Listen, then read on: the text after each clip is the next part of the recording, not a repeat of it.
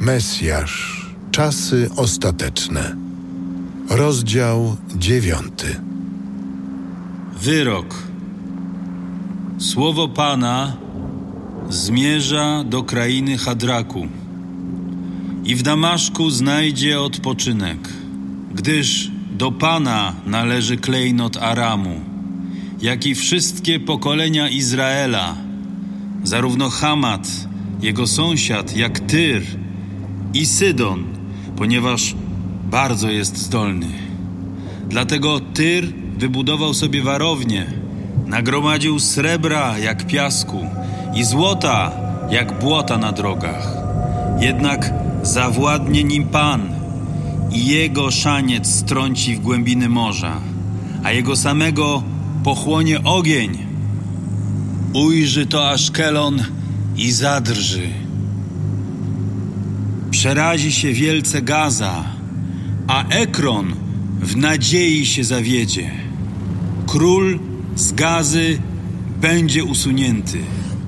Wyludni się Aszkelon. Bękarty zamieszkają w Ażdodzie.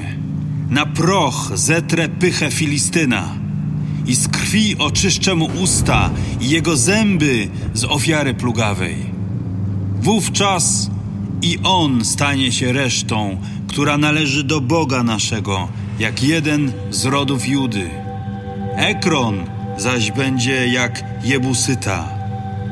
Rozbije obóz obok mego domu dla obrony przed wojskami, przed przybyszami.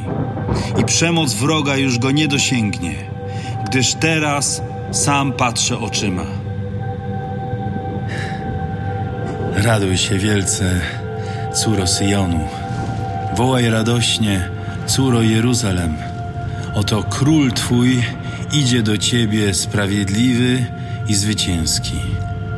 Pokorny jedzie na osiołku, na oślątku, źrebięciu oślicy. On usunie rydwany z Efraima, a konie z Jeruzalem. Łuk wojenny zostanie złamany. Pokój ludom obwieści. Jego władztwo sięgać będzie od morza do morza, od brzegów rzeki aż po krańce ziemi.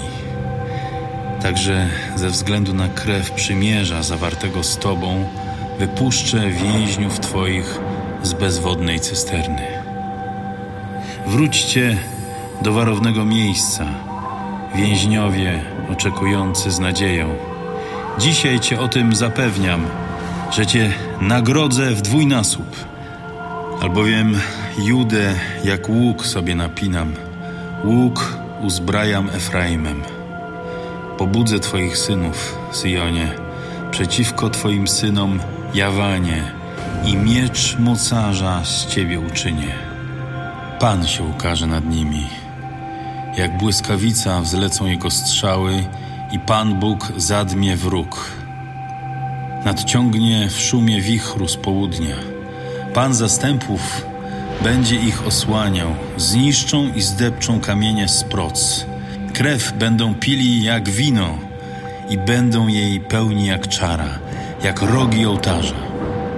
Pan, ich Bóg, ich zbawi jak owce swego ludu.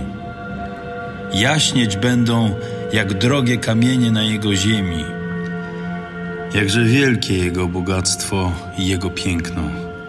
Zboże da rozkwit młodzieńcom, a młode wino dziewicom.